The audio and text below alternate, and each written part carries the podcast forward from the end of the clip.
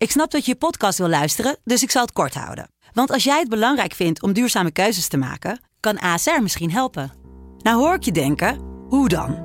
Nou, bijvoorbeeld bij het duurzaam herstellen van schade. Of de premies die we beleggen volgens ons duurzaam beleggingsbeleid. Dat bepaalt waar we wel en juist niet in investeren. Wil je meer weten over welke duurzame keuzes ASR maakt? Ga dan naar asr.nl slash duurzame keuzes. ASR doet het. Zo, dan kan je nu lekker naar je podcast luisteren. Studio Socrates wordt mede mogelijk gemaakt door Unibed. Deze week hebben we het over het enigma Luis Figo. De man die als jochie van 18 al 40 jaar oud leek. Maar ook de Ballon d'Or-winnaar die altijd bleef voetballen als de kleine zaalvoetballer die hij ooit was. Hij was de grote man bij Barça en de grote man bij Real. Maar hij voelde zich het meest thuis bij Inter. En overschaduwt die varkenskop op het veld na de meest controversiële transfer ooit zijn carrière niet te veel? Há muito tempo você está no meu caminho. Como posso esquecer?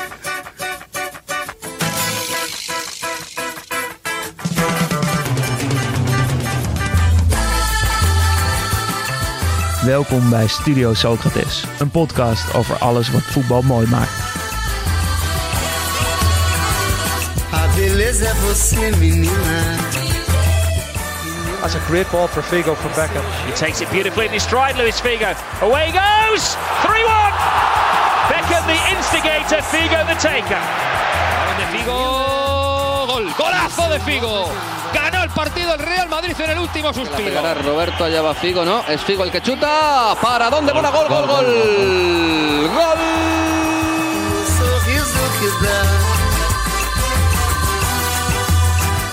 Vendaval por amor, menina. Jasper, Daan, hallo. het is woensdag.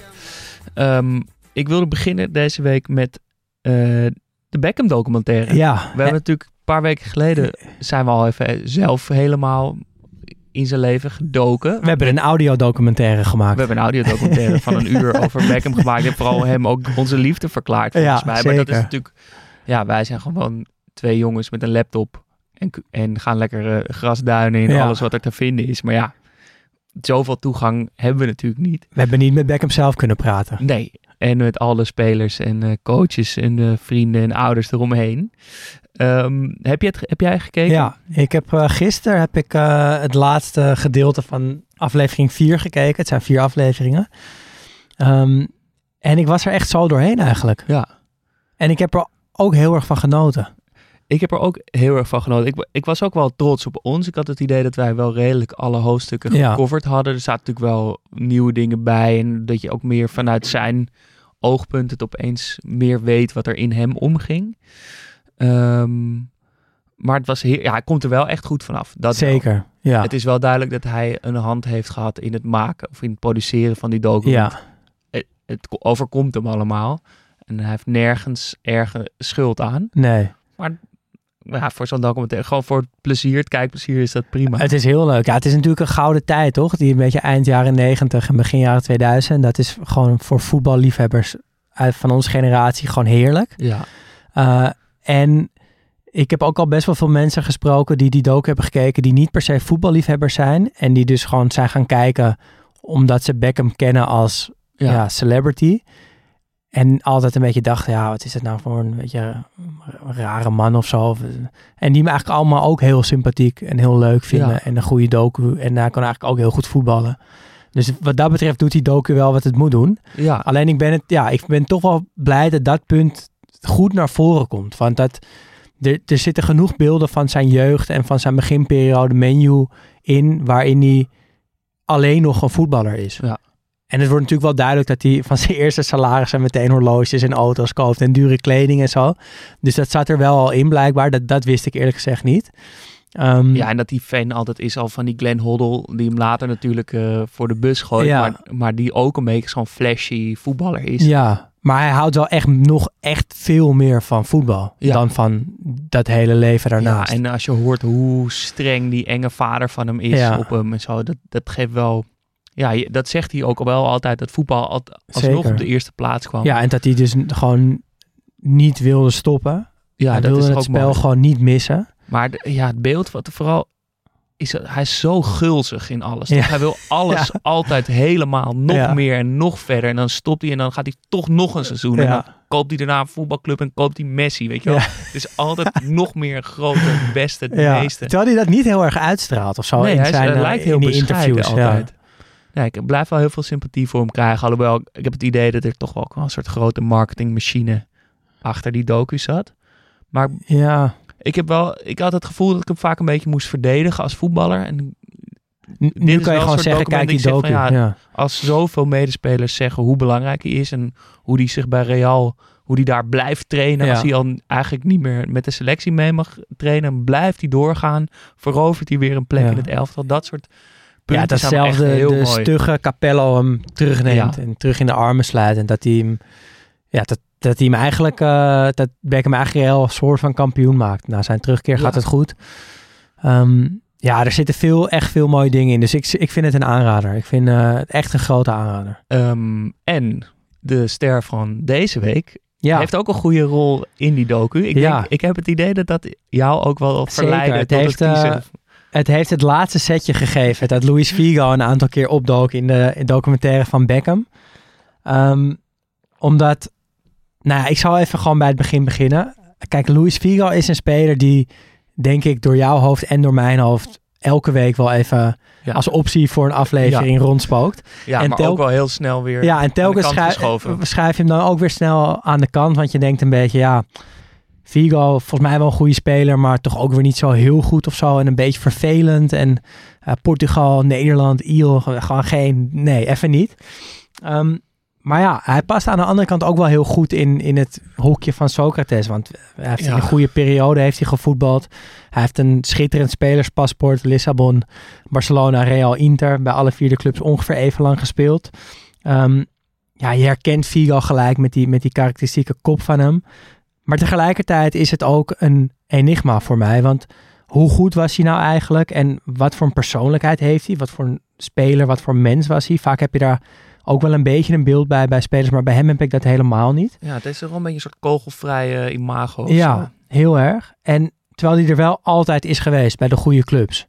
Maar toch he- heb ik weinig van hem gezien, weet ik weinig van hem. En toen ik hem dus opeens zag verschijnen in die documentaire van Beckham, kreeg ik eigenlijk gewoon weer, weer, weer dat gevoel. Hij, hij was daar opeens, hij ziet er nog steeds precies hetzelfde uit. Hij was hij, bijna onaanraakbaar. Hij kwam daar echt binnen met een, met een soort van aura om zich heen van hier is de grote Luis Figo. Dat, ik, ging, ik ging gewoon bijna soort van dat ik op de bank even iets verder naar achter schoof. Omdat ik dacht, oeh, dat is Figo. Ik moet een beetje uitkijken.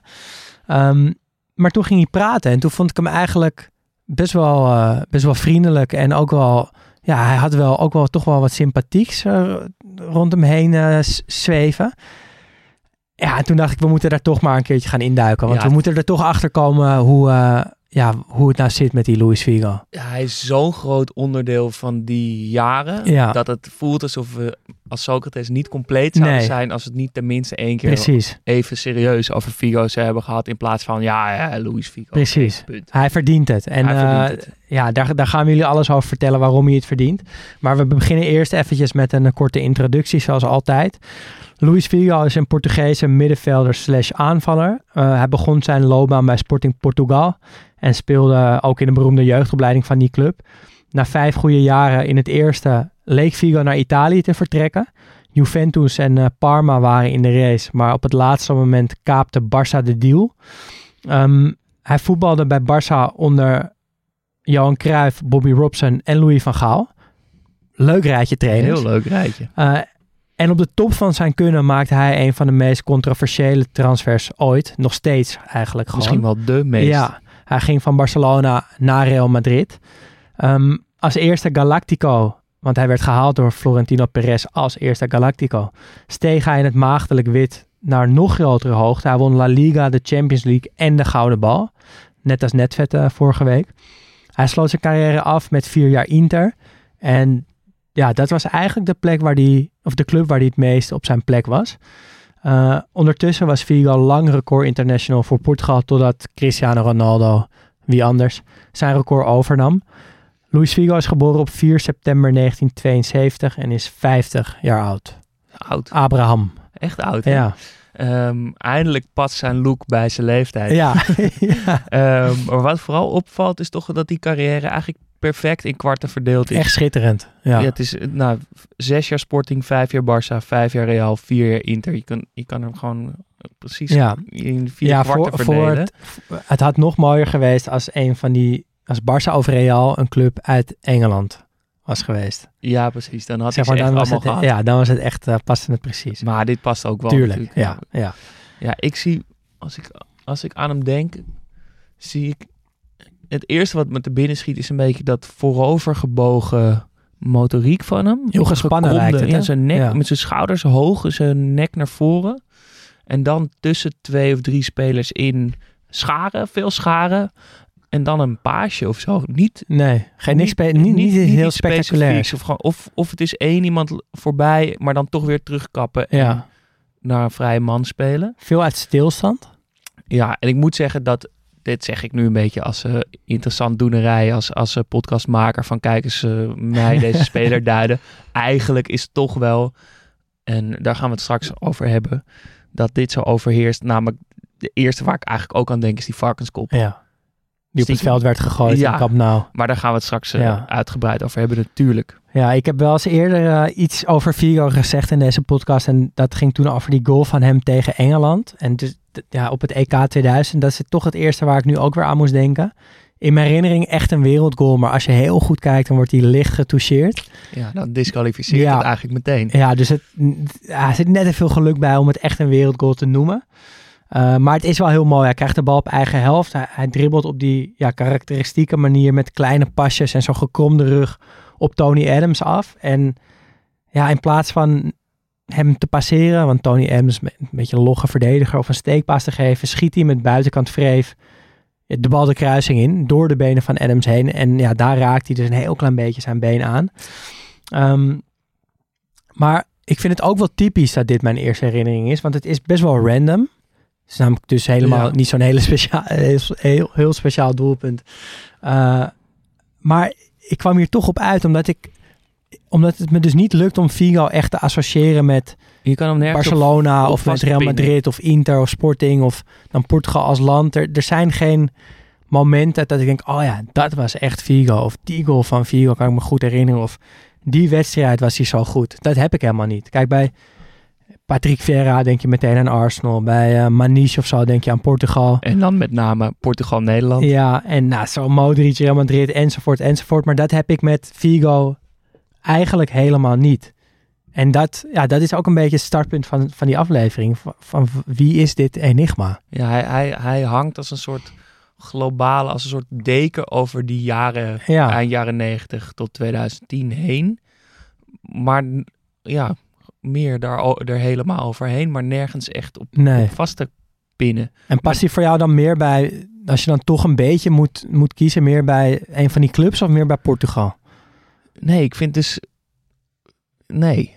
Ik Allebei het, gewoon nee, niet. Eigenlijk nee. Ik kan ook niet. Ik, ik kan nog steeds ook niet één specifiek moment nee. voor me halen. Er is niet één actie of één doelpunt of één beslissend moment. Behalve dan die varkenskop die, die bij mij naar binnen ja. of naar boven komt. Ja, je hebt gewoon Figo. Die hangt er Figo, boven. 20 jaar topvoetbal. Gewoon, dat, dat Maar is zou, eigenlijk wat het is.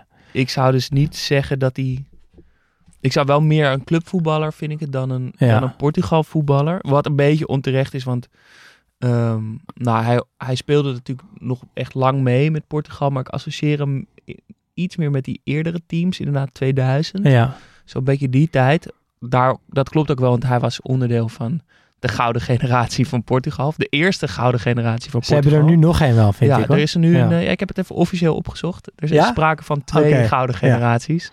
Eentje nu dus.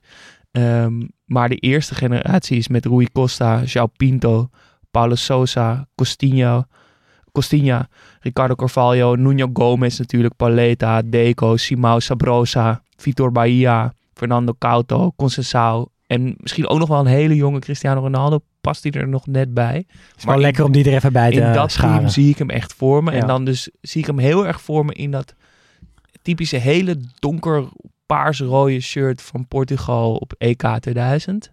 Met die gele... Met die ge ja. dunne gele lijntjes. En als ik dan weer aan dat shirt denk, dan zie ik meteen die geblondeerde kop van Abel Xavier Ja, eh, voor me. Met die grote geblondeerde sik en grote Ja. geblondeerd haar en kettingen en afgeplakte ringen en zo. ja. Wel mooi. Daar had ik er altijd Mooi- niet aan gedacht. mooi tijdsbeeld. Ehm, maar als we dan over Figo hebben, laten we dan beginnen in Portugal. Niet bij het land, maar bij de club Sporting Portugal, de club waar die doorbrak. Ehm, en ja, dan begin je toch met wat beelden kijken en je typt dus in op Google Luis Figo, Sporting Portugal en dan druk je op afbeeldingen. Ja, en dan schrik je eigenlijk wel rot. Ja, Want Figo in die, die periode die jij net omschrijft, heeft er eigenlijk altijd hetzelfde uitgezien. Namelijk die, ja, een beetje dat geblokte hoofd, de grote neus, zwarte wenkbrauw, zwart haar. Soms iets korter, soms iets langer. Eh, maar altijd Figo. Maar als je dan kijkt naar zijn foto's bij Sporting Portugal, dan is dat ja, een jongen van 18 die eruit ziet als 40, die krullend lang haar heeft. Eh, op sommige foto's heeft hij het geprobeerd te stijlen. Dat, dat maakt het nog eh, raarder. En ik, ik zit er gewoon, nou, ik zit er nu weer naar te staren. En ik kan gewoon niet geloven, ik kan het gewoon niet geloven. ik ben Dat- totaal gefascineerd Ja, door een jonge Figo. ja, Want het is dus alsof hij zichzelf speelt als jongen van, van 17. terwijl hij zelf al veel ouder is. Ja, hij lijkt gewoon altijd 40. Want het is gewoon die grote kop met die grote neus en die grote kin zo. En dan die, hij zo'n geschoren baard. Als, het lijkt een beetje op die staalkabel kampioenenbaard van, eh, van Nistelrooy. Ja, ja, ja. Maar dan geschoren. Hij kijkt ook steeds heel serieus. Het is echt een beetje alsof Sacha Baron Cohen een, een, een Portugese Ja. voetballer speelt. Het, ziet het heeft iets zo bevreemdends. En als je dus door de jaren heen kijkt, dan verandert het haar en de omgeving en de shirts. Maar dat gezicht is gewoon een soort constante. En nu die dus 50 is, is dat gezicht nog steeds hetzelfde. Alleen nu Nu klopt het bij zijn leeftijd. kloppen. Maar op zijn 17e, 18e ziet het er echt, nou ja, zeker met dat hele rare haar tot aan zijn schouders, ja, echt belachelijk uit. Ja, Maar ja, ook fantastisch. Ook fantastisch. En jullie kunnen het ongetwijfeld eh, nu zien op Instagram of over een paar uurtjes als we de post gedaan Ja. hebben. En want, Maar, eh, wat het is, zeg maar, normaal heb je bij spelers die lang hetzelfde blijven, zijn het juist babyfaces, toch? Robinho ziet er ook altijd hetzelfde uit, maar Ja. hij lijkt altijd 17. Maar hij is Ja. een soort rare Benjamin Button, Omgekeerd, omgekeerde babyface. Iemand die gewoon als 40-jarige man ter wereld kwam en dat altijd is gebleven. Ja, het is echt fascinerend hoe dat eruit ziet. Ik, ik dacht nog, stel je zou, eh, hè, je zou allemaal verschillende hoofden van Vigo uitknippen. Van, de, van, zeg maar, van 17 tot eh, 35 of zo.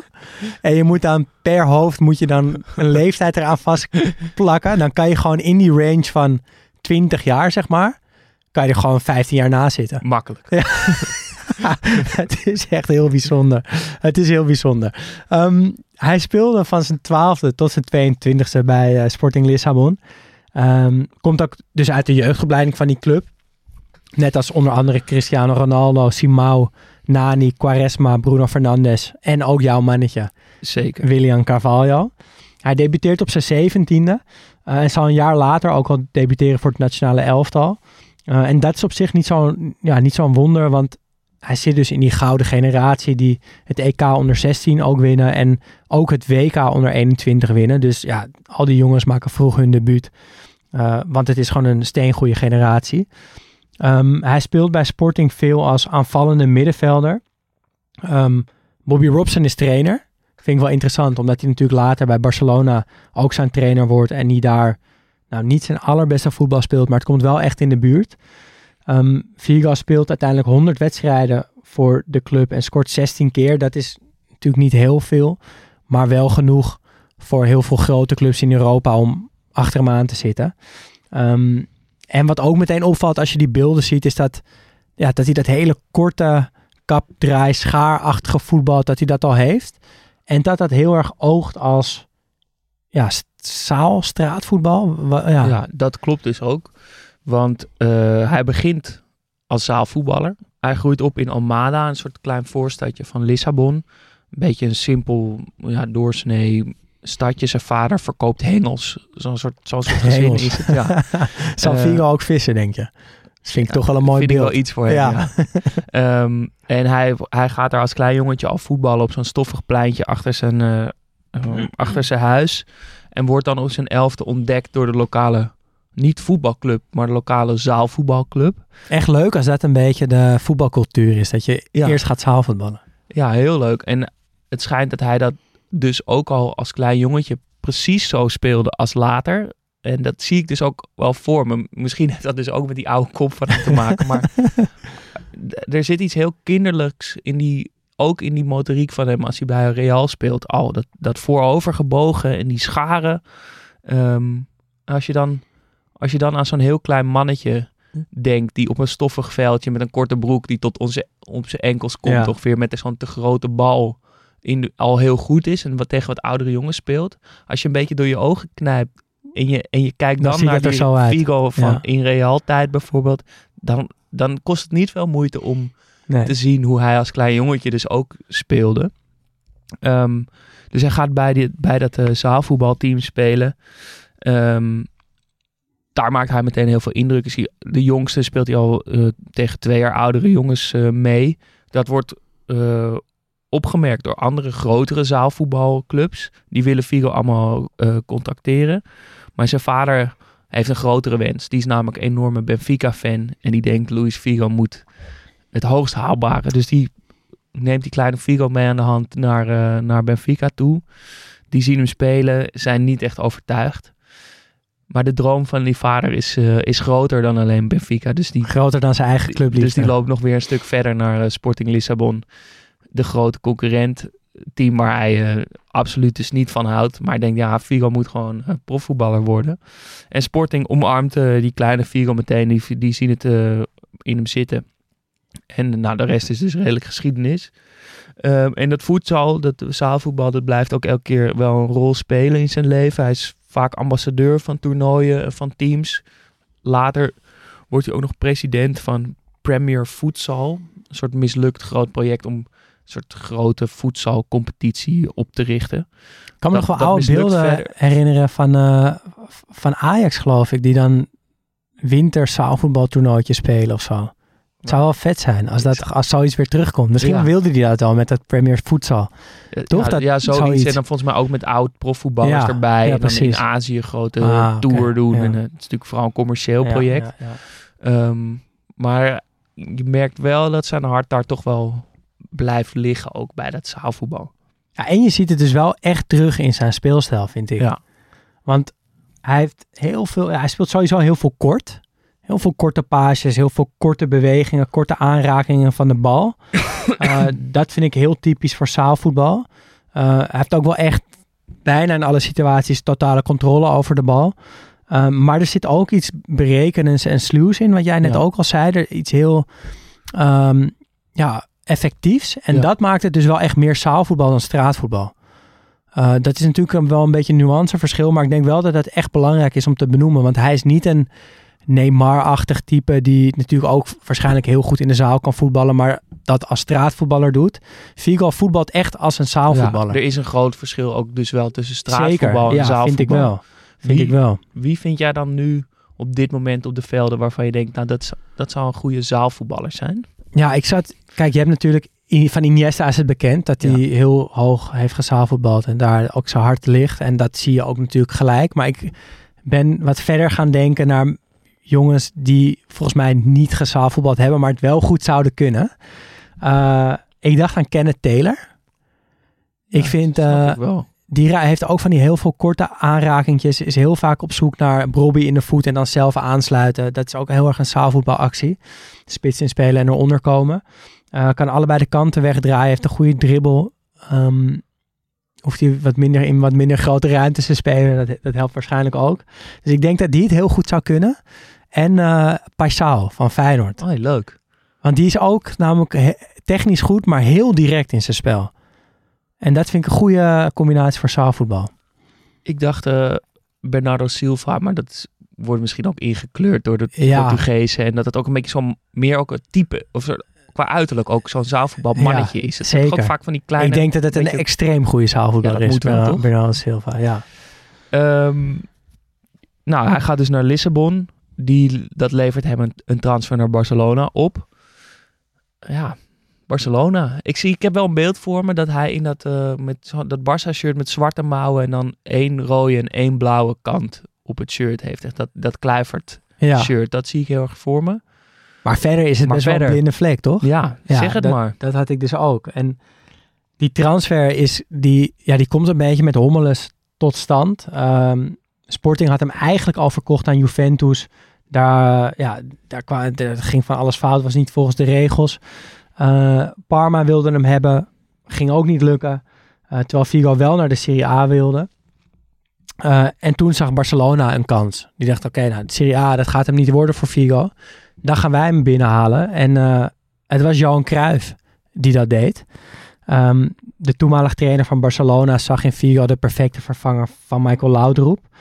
Ehm, ja, en dat, dat wist ik bijvoorbeeld al niet. Dat Figo een aankoop is geweest van Cruijff.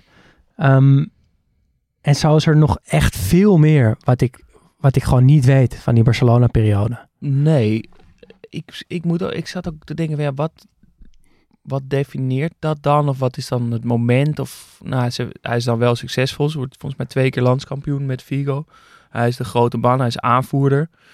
Ehm, maar als ik hem dan, stel dat je een tijdlijn hebt en dat ik met een punaise op die tijdlijn zou moeten zeggen, oké, dat, is, dat is het hoogtepunt of dat is echt het Vigo-jaar of moment, dan zou ik die pin precies op die overgang tussen Barça Ja. en Real zetten. En ik, ik haat het dat, ik- dat dat hem zo definieert voor Ja. mij. Want dat is zoals ja, dat een varkenskop het overschaduwt.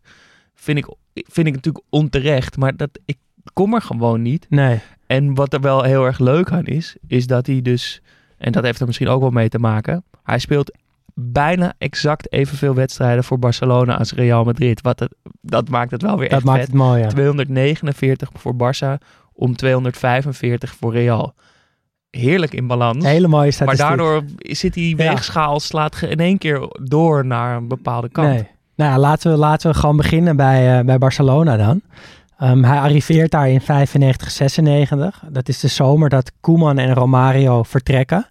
Dus Figo had bijna nog samengespeeld met Ronald Koeman. Dat vind ik ook een, een heel raar idee. Hij is ook al 50, hè? Ja, toch, ja maar toch, dit- in mijn hoofd klopt dat helemaal niet. Ehm Cruijff stapt, is trainer, maar stapt aan het eind van het seizoen op. Eh, krijgt ruzie met Barcelona, omdat ze achter zijn rug al contact hebben gelegd met een nieuwe trainer, eh, Bobby Robson. Eh, het wordt ook niet zo'n heel goed seizoen. Barça wordt derde, ze verliezen de finale van de Copa del Rey. En ze vliegen eruit in de halve finale van de UEFA Cup.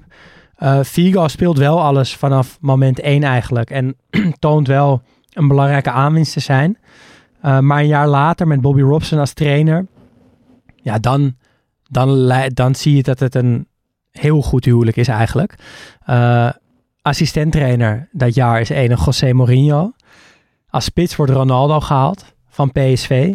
Uh, die had ook al met Bobby Robson samengewerkt, bij PSV dus. Uh, en Figo draait nog beter dan het jaar daarvoor. Barcelona wint de Copa del Rey, de UEFA Cup. Hij scoort acht keer en geeft 14 assist goede cijfers, die bijna overal, overal is het ongeveer zo. Dus dat Ja. hij best wel veel goals maakt, maar wel nog meer assist. Ehm, en Ronaldo, die scoort in zijn eerste jaar in Barcelona 47 keer in 49 wedstrijden. Het is echt, ik bedoel, het zijn echt Haaland-statistieken, hè? Dat vergeet je toch wel vaak. hoor. Ja, dat, hij dat, dat Haaland dat ook doet en Mbappé ook ja, je denkt van. dat niemand ooit zo'n voetbalrobot als, eh als Haaland is geweest. Maar Ronaldo, Ja, Ronaldo toch wel voor zijn blessures was Ja. hij dat gewoon. En Figo zegt ook over Ronaldo dat het de meest getalenteerde speler is waarmee hij heeft samengespeeld. En dat hij ja, niet zo heel veel deed op de training. En het leek allemaal echt vanzelf te komen. En ja, dat idee van Ronaldo kwam ook wel mooi Ja. naar voren in die docu van Beckham. Eh, toen Beckham aan het woord was over Ronaldo en dat hij zei, ja, ik snapte er helemaal niks van in het begin. Want dan kwamen we op achterstand en dan zag ik Ronaldo gewoon lachen bij de aftrap.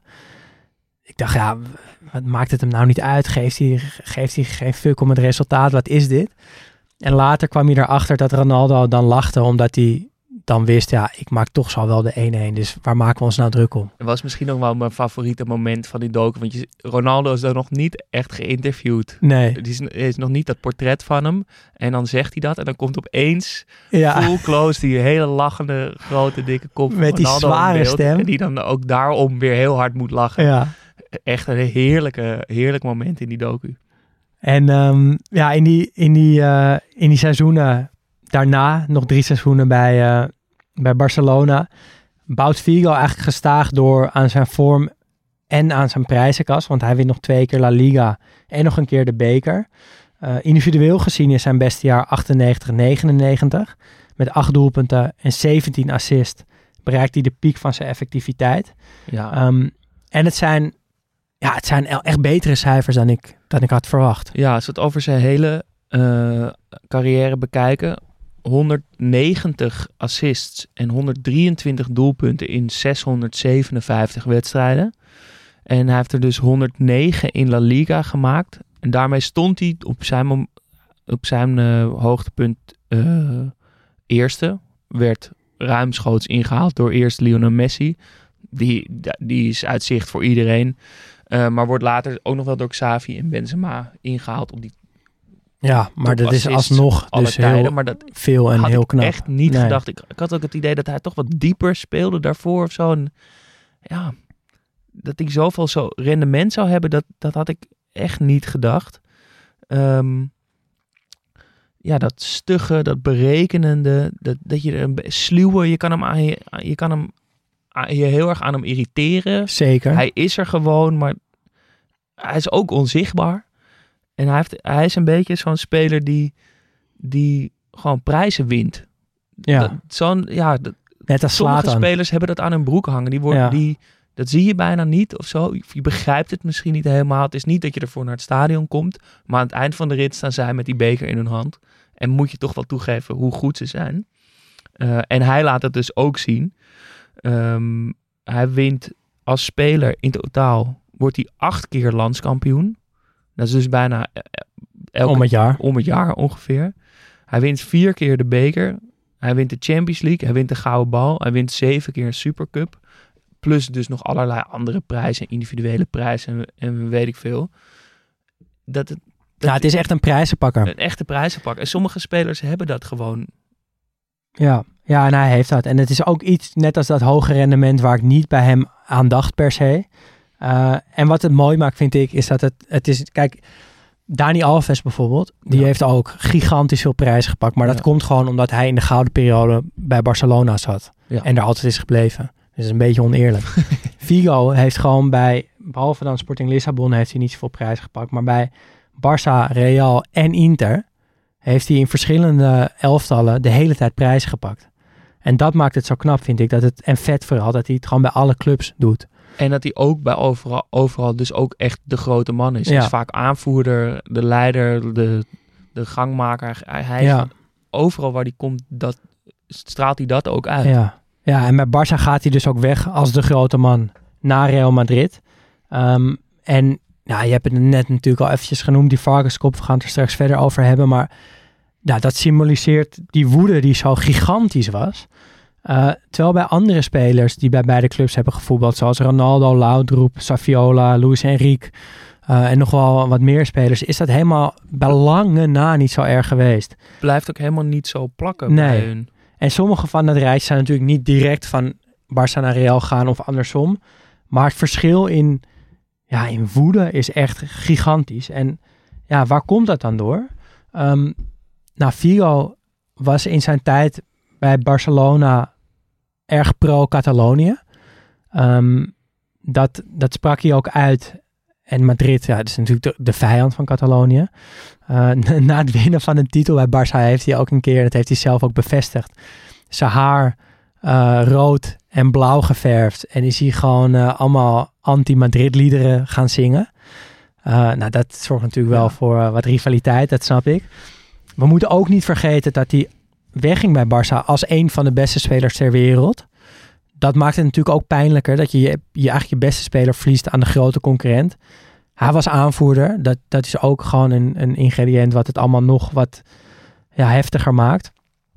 Ehm, dus dat, ja, dat, dat maakt het zo pikant volgens mij. De, Ja. Het moment in de tijd dat hij ging. Dat politieke, dat Ja. zal nog wel ook het, het meeste meespelen. Dat, dat je natuurlijk helemaal, omdat hij vanuit het buitenland werd gehaald en dan toch dat Catalonia Ja. omarmt, helemaal gezien is als deze is van ons. Ja, En dat die dan op zo'n pikant moment die overstap naar de allergrootste concurrent is, is ongelooflijk. Maar dat laat dus ook zien hoe belangrijk hij was voor dat team van Barcelona. Hoe erg hij de, leiding, de leider was.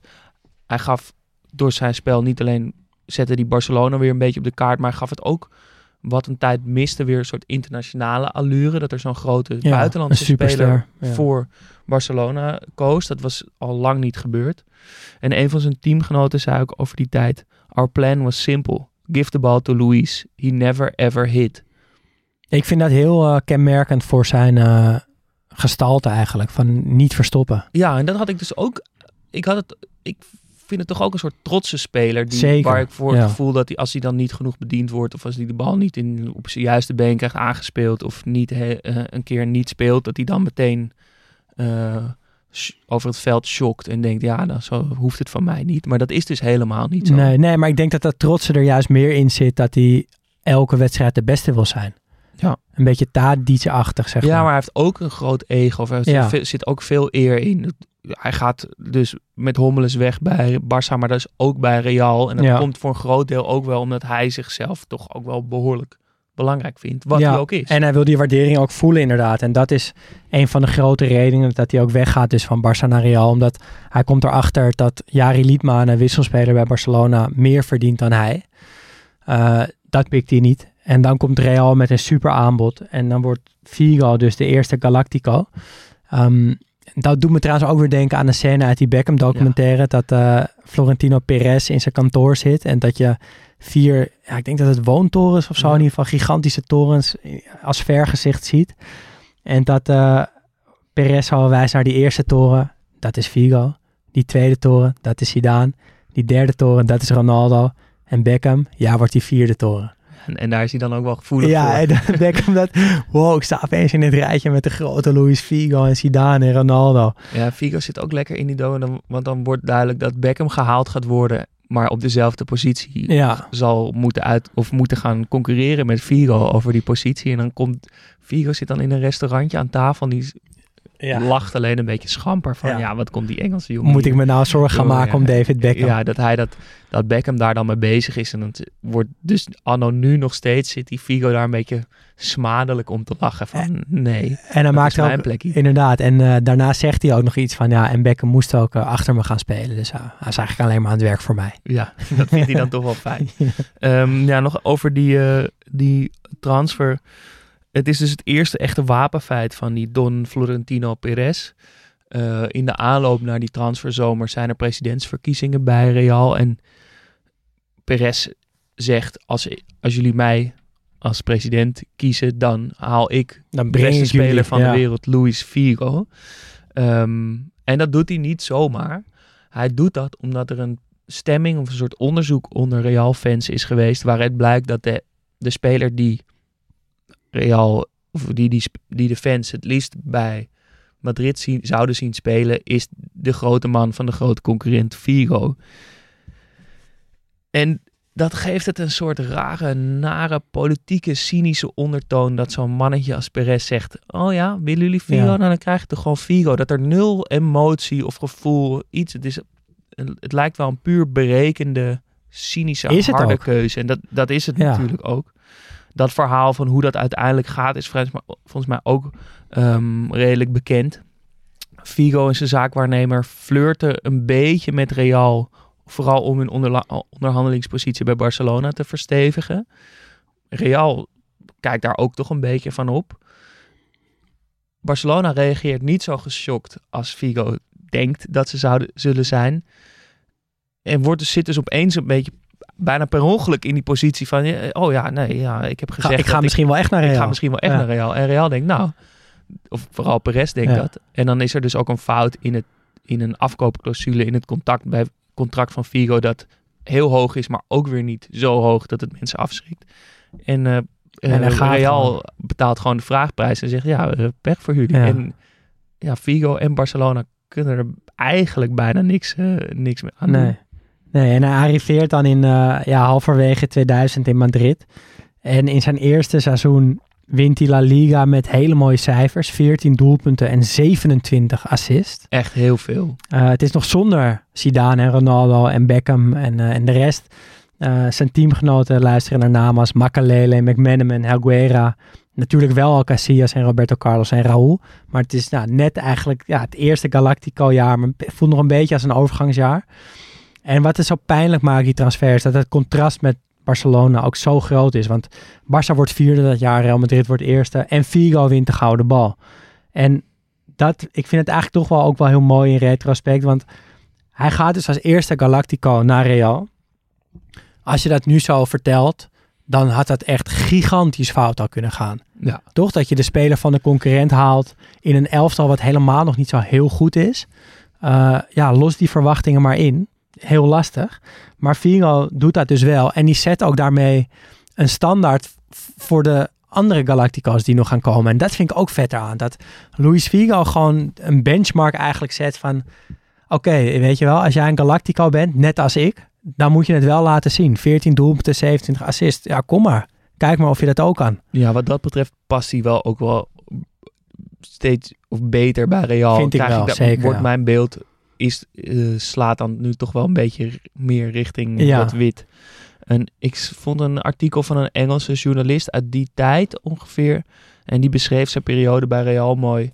Die zei, alongside players such as Zidane, Ronaldo en Beckham, Figo reached new heights. He'd gone, gone from being the groovy bass player on the wings in an indie band that produced an occasional hit to becoming the Paul McCartney or John Lennon figure in a team that were like the Beatles of football. ja, mooi. Dus hij schakelt ook wel echt door. Die statistieken laat het zien, die prijzen laat het zien. Hij laat het zien. Is hij de meest succesvolle Galactico? Gewoon dat uit, als je dat project van Perez Ja. bekijkt, is hij dan... Ja en nee zou ik zeggen. Want hij voelt wat minder random als die andere Galactico's. Hij lijkt daar beter op zijn plek of in dat team te Ja. passen. Terwijl hoe die, als, je, als ik denk aan die Galactico's, voelt het als een soort bij elkaar geraapt ster, sterrenensemble voor een Ja. soort all-time eh, eh, Ja. team. Eh, en hij lijkt pas voor mijn gevoel ook niet in dat rijtje met Ronaldo, Beckham, Zidane. Hij is meer die speler. Dus aan de ene kant zou je kunnen zeggen, ja, hij is niet echt een succesvolle Galactico. Maar aan de andere kant is hij daarmee dus juist misschien de meest succesvolle Ja. Galactico. Omdat hij meer dan die anderen opgaat in dat team, voor mijn gevoel. Ja. Ja, kijk, Zidane brengt ze natuurlijk de Champions League eh, het jaar eh, daarna. Dat is het eerste jaar van Zidane. Met die volley. Met die volley. Maar ik ben toch wel erg onder de indruk geraakt van, eh, van Figo's entree bij, bij Real Madrid. Ehm, hij wint dat jaar dus ook gelijk de gouden bal. Ja. Is, is dat zijn hoogtepunt dan, zou je zeggen? Ik denk het wel. Terwijl het heeft, het heeft ook wel een nare bijsmaak, een beetje. Zeker voor Barcelona. Want ja, het is hij, heel speelt, pijnlijk. hij speelt pas drie of vier maanden Ja. bij, bij Real als hij, die, als hij die prijs wint. Die hij natuurlijk eigenlijk gewonnen heeft in dat, in dat blauwe-rood van, van Barça. Maar hij, hij hijst hem omhoog, heel trots in het wit van Real. Ehm, maar ik zou zeggen dat het zijn hoogtepunt is, omdat hij nou, bij beide clubs voor zijn gevoel niet genoeg gewaardeerd is uiteindelijk. Ehm, dat hij wel de, de onvoorwaardelijke liefde of zo mist. En dat zo'n individuele prijs op die manier wel een bekroning voor hem is. Ja, En dus misschien ook wel in ons beeld van ja, hij is moeilijk bij een club te, vast te pinnen. Dus dat, dat dan is moet het het moment. een individuele prijs zijn. Ja, ja want het seizoen later, eh, ja, ik zei het net al, winnen ze dus de Champions League met de komst van Zidane. Eh Figo speelt met 11 doelpunten en 17 assists. Iets minder dan vorig jaar, maar eigenlijk gewoon weer echt goede cijfers. Ehm, de jaren daarna ja, wordt het Galactico-team uitgebreid, maar vallen de resultaten eigenlijk wat tegen. Er wordt geen Champions League meer gewonnen. Ze worden nog één keer kampioen. Figo blijft, eh, ja, houdt zichzelf staande met goede cijfers. Alleen zijn laatste jaar, 2003, 2004, wordt het ietsje minder. Eh, uiteindelijk speelt hij 245 wedstrijden voor Real Madrid en scoort hij 57 keer. En geeft hij 95 assists. Echt hele mooie cijfers. En eh, ja, we hebben de vraag eigenlijk al een klein beetje beantwoord. Eh, ja, al pratende. Ja, Ja, past hij Ja, nou beter het- bij Real of bij Barça? Het antwoord is toch wel echt Real, ja, toch? in het draaiboek zijn Ja. we, hebben- we deze vraag ook geprobeerd te beantwoorden. Maar zie ik dat we allebei een beetje in het midden blijven. Maar Ja. hij past wel echt beter bij Real. Daar, daar wordt hij ook nog beter. Daar valt het beter op zijn plek. Daar, Ja. daar is hij meer onderdeel van, voor mijn gevoel. En dat, die club past gewoon beter bij zijn karakter. Die club, ja. Maar uiteindelijk, als ik die vraag zou moeten beantwoorden, Barça of Real, zou ik denk ik Inter zeggen. Ja, Daar hebben we het straks nog ook even kort over. Maar daar lijkt hij nog meer op zijn plek te zijn. Ja, hij wilde was dus altijd droom, al ja. naar Italië. Ehm, voelt zich bij beide clubs daarna dus niet helemaal gewaardeerd. En bij Inter, ja, als trotse speler die die is, voelt hij wel die, die meer onvoorwaardelijke waardering.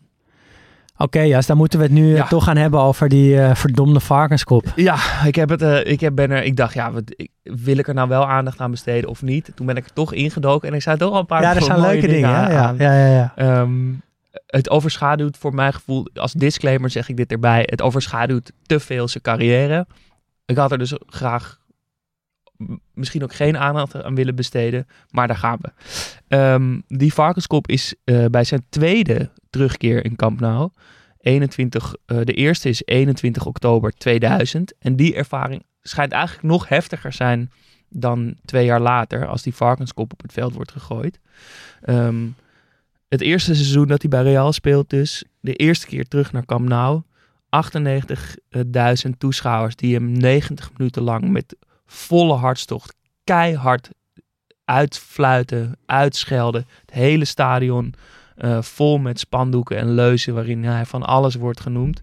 Niemand in het stadion, zowel Barça-fans als Real-fans, hebben nog nooit zo'n oorverdovend kabaal meegemaakt. En niemand zag het ook aankomen in deze mate, las ik. Nee, het, het, het, het overvalt. Ja. Ik bedoel, er zijn natuurlijk vaker pijnlijke eh, transfers. En er is al veel ri- rivaliteit tussen die twee clubs. Dus niemand verwacht het eigenlijk.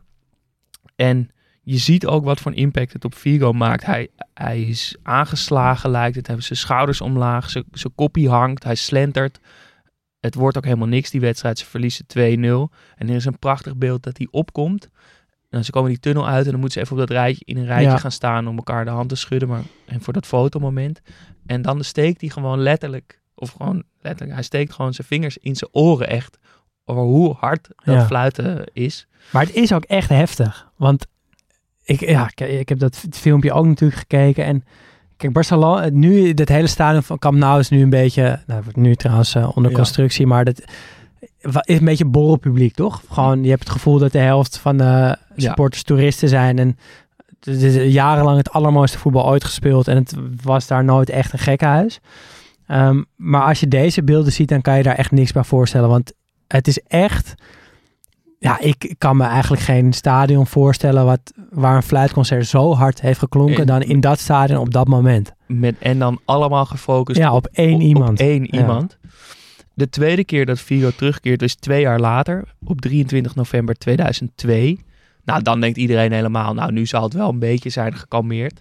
Blijkt allerminst waar. Het gaat met dezelfde hartstocht, wordt hij weer keihard uitgefloten en eh, uitgescholden. Zegt ook veel, hè, dat het twee jaar later nog geen Nee. seconde of zo, Nee. ja, geen onsje minder is. Onverminderd. Eh, alleen het enige wat anders is, is Vigo. Die lijkt daar rustiger onder. Die is natuurlijk meer op zijn plek. Die is al gewend bij Real. Gouden bal gewonnen. Gouden bal gewonnen. Ehm, er is een corner aan de linkerkant eerst. Bij 17e minuut ongeveer. En Vigo is de vaste cornernemer. Dat is hij ook dat eerste seizoen. De eerste keer als hij terugkeert. Maar ehm, dan neemt hij die wedstrijd, neemt hij die corners maar niet. Deze keer doet hij dat wel. Loopt hij heel rustig met de bal in zijn handen naar de cornervlag. Maar er komt een regen van spullen over hem heen. Ik bedoel, je ziet wel eens bierflesjes of zo gegooid worden. Maar hier echt alles wat los en vast zit, wordt over, die, over de relingen gegooid. Ehm, dus je ziet een, eh, ook in de beelden van tijdens de wedstrijd een grote glazen JB whiskyfles eh, bij, naast de vlag liggen. Eh, hij loopt nog heel ver weg. Stewards komen om hem heen staan. Proberen het publiek tot kalmte te manen. En vormen een soort cordon om hem heen als hij die corner neemt. Dus hij komt ook uit een soort woud van stewards gerend. En dan gebeurt het. Het is... ja, stel je voor dat dit zou zijn gelukt. Maar hij neemt die corner in ene. Hij schiet hem in één keer op goal. Hij gaat voor de goal Olympico onder die omstandigheden met een, dus waar later blijkt een varkenskop en een fles whisky om hem heen liggen. Als die erin was Stel gegaan, je ja. voor dat hij op dat moment die bal onder de lat weet te, te krijgen. Dat krijgt hij wel alleen. eh, Victor Valdes eh, tikt hem eh, nog net over. Maar dat was hem. Ja, dat had eigenlijk zo moeten zijn Ja. natuurlijk. Dan, dan had dat alles overstemd. Ehm, omdat die Victor Valdes die, die eh, bal eh, over het goal tikt. Komt er een corner aan de andere kant. Die Figo wil, weer wil gaan nemen. Maar ook nu weer een regen aan eh, voorwerpen eroverheen. Puyol, Niet normaal. Puyol en aanvoerder Philippe Cocu proberen het publiek eh, tot, eh, tot rust te manen, maar dat lukt niet. Eh wedstrijd wordt stilgelegd, spelers naar binnen. Ehm, later wordt dat weer hervat en pas in die wedstrijd zie je het dus nog niet. Het wordt pas later op foto's duidelijk dat er die varkenskop ligt. Dat gebeurt dan bij die eerste corner. Die die, Hoe krijg je die er in godsnaam een stadion heen? Ik moet wel zeggen, het is een prachtig gebraden speenvarkenskop. Het is, het is geen bloederige eh, grote varkenskop. Dat respect hadden ze dan nog wel. Ja, of dat is de, toch de Spaanse trots. Van, nou, als ik dan een, een varkenskop het veld opgooi, dan wel mooi lekker gebraden. En hebben ze waarschijnlijk eerst de rest van het speenvarken opgegeten. Dat dan weer wel. Ehm, ja, tot zover dat incident. Wat wel ook nog leuk is om te vertellen, is dat het varkenskoppie uiteindelijk op sterk water is gezet. En op een tentoonstelling in Duitsland ooit, Cult Scene Stadium, eh, is gepresenteerd. Goeie Ik naam. ben wel meteen heel benieuwd naar Ja. die tentoonstelling. Schijnt nu op sterk water ergens in een museum in Barcelona te liggen. Maar of het echt het goede hoofd is en of hij daar echt ligt, dat weten we niet. Zo. Ja, ik, zou, ik, ja, ik vind het... eh, ik kan er nog steeds niet helemaal bij. Gewoon dat er een, een varkenskop op dat veld heeft gelegen. Vind je dat heft? Want er werden ook, nou, wat we ook wel eens in Nederland hebben gezien. Ik weet bij Kenneth Vermeer een keer. Maar de- ook nu in het stadion opblaaspoppen die worden opgehangen. Ja. Met allemaal leus eromheen. Is zo'n zo'n varkenskop lijkt wel meer impact te hebben. Ja, omdat het gewoon...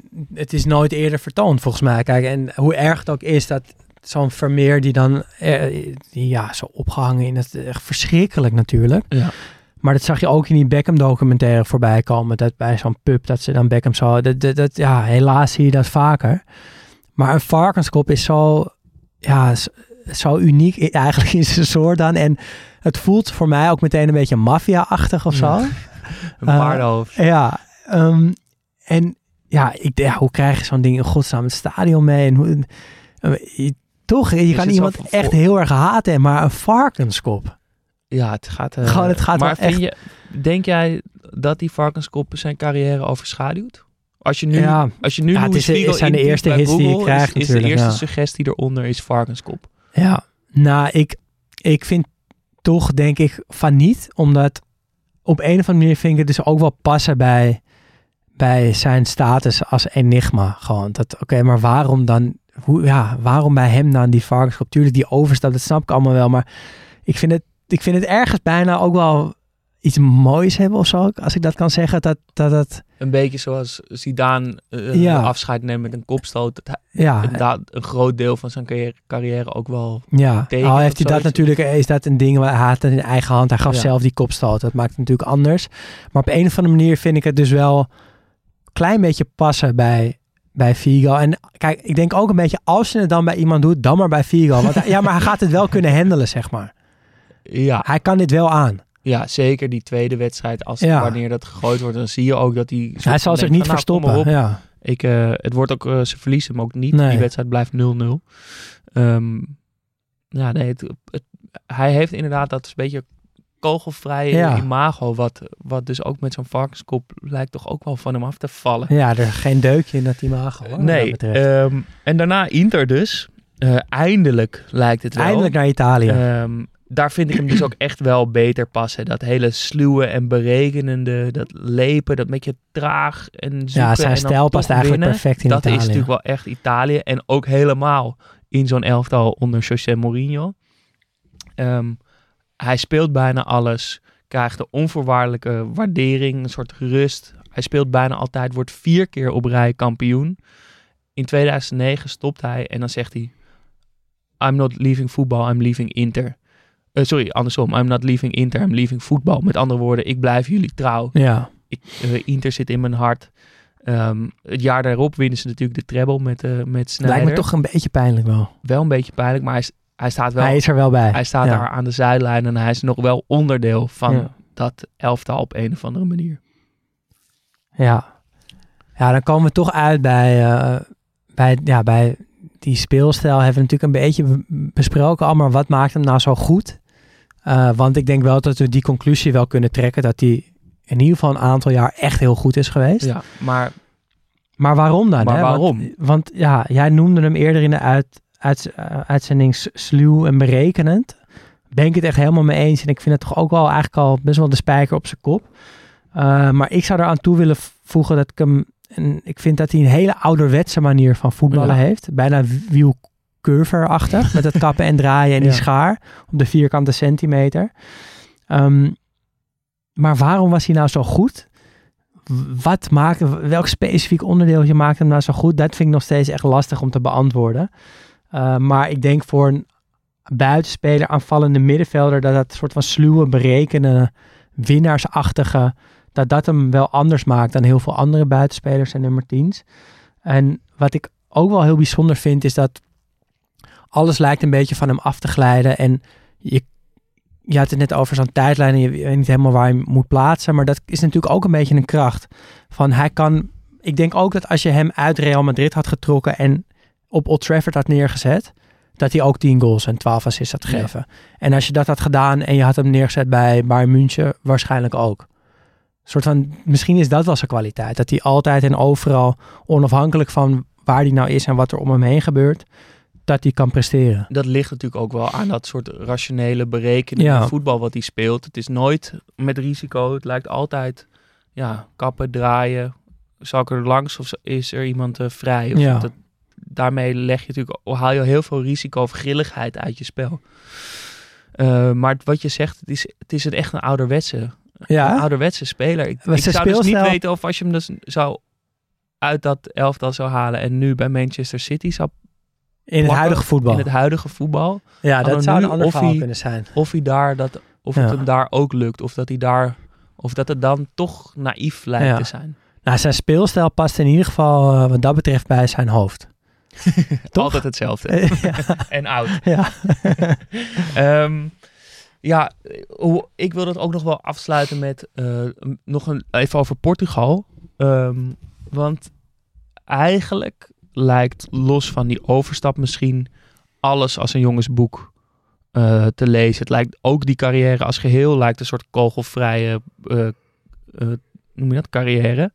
Ehm, het enige moment eigenlijk wat ik niet vind kloppen in het spel is de finale, of in, in dit verhaal is de finale van 2004. EK. Ja, EK tegen Griekenland. Het stond natuurlijk in de sterren geschreven dat die gouden generatie is op zijn top. Ehm, een toernooi in Portugal. Figo is aanvoerder, die ook Ja. op dat moment, nou misschien net over de top, Net maar over wel top, echt ja. nog qua toernooi daar het meest moet laten zien.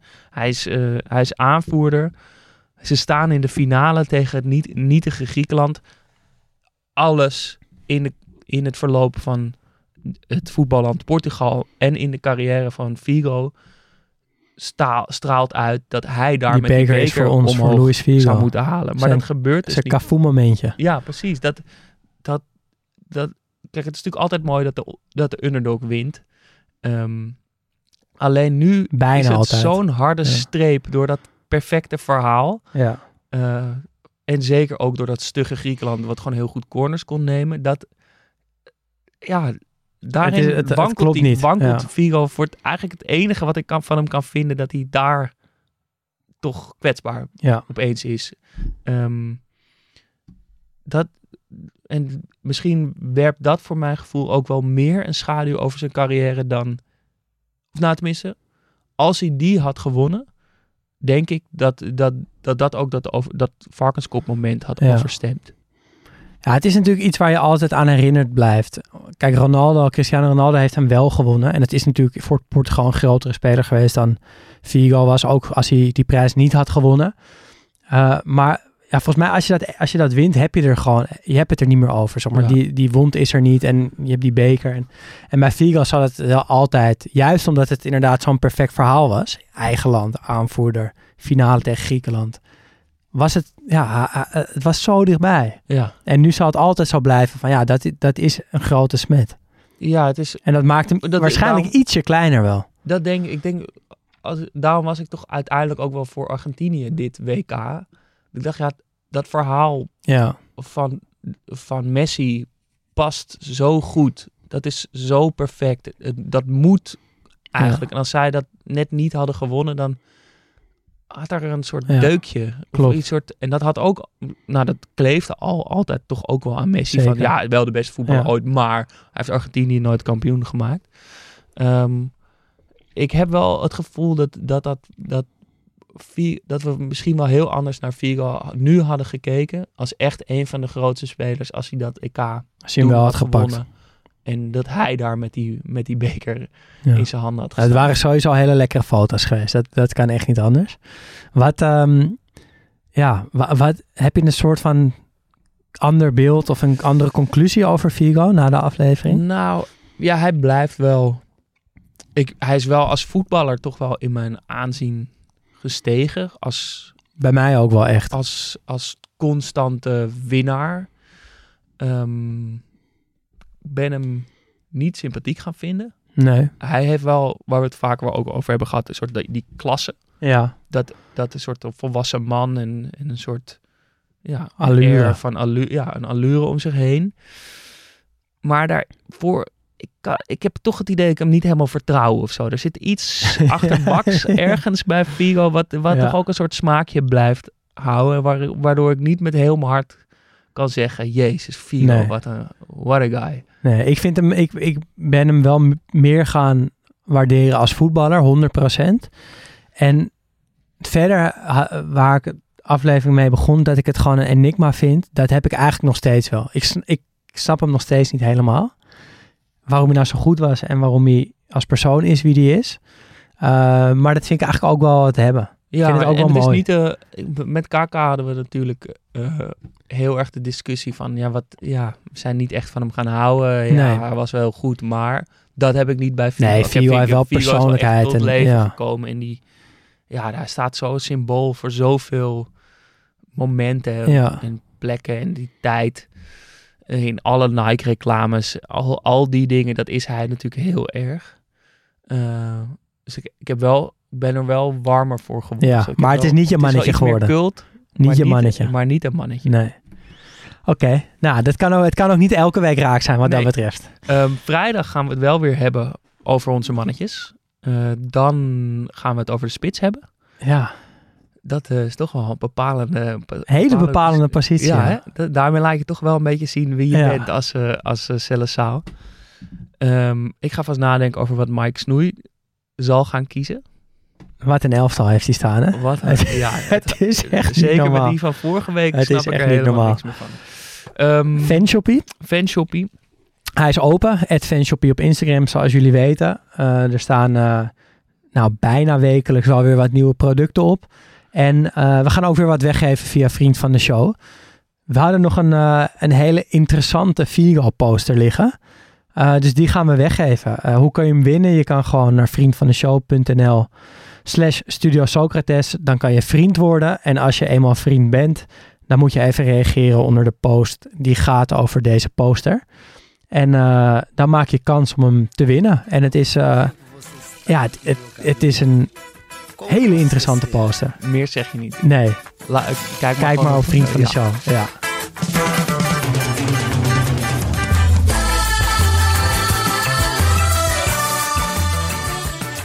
Studio Socrates werd mede mogelijk gemaakt door FC Afkikken. We zijn te vinden op Twitter en Instagram at studio-socrates. En op vriendvandeshow.nl slash studio Socrates kun je ons steunen voor al vanaf 2,50 euro per maand. En maak je elke week dus kans op een product uit onze eigen fanshoppie. ja, dus twijfel niet. Word vriend van de show. Dat is, eh, nou, help je ons gewoon heel erg mee. Daar zijn we je heel dankbaar voor. Dus eh, doe dat. Ehm, en je kan natuurlijk ook mailen. studiosocratespodcast.gmail.com uh, En dan zijn wij er eh, vrijdag weer. Tot vrijdag.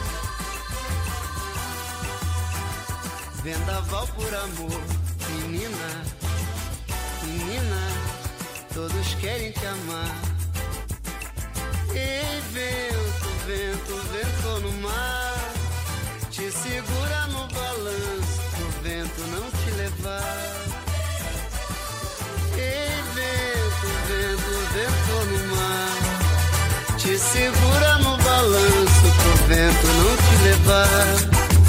Já sei que não vai ter jeito pra poder te conquistar. Se você olhar pra mim, menina, vou te amar. Já sei que não vai ter jeito pra poder te conquistar. Se você olhar pra mim, menina, vou te ganhar. Ei, vento, vento, vento no mar. Te segura no balanço pro vento não te levar. Ei, vento, vento, vento no mar. Te segura no balanço pro vento não te levar. Como posso te esquecer? Não tem jeito.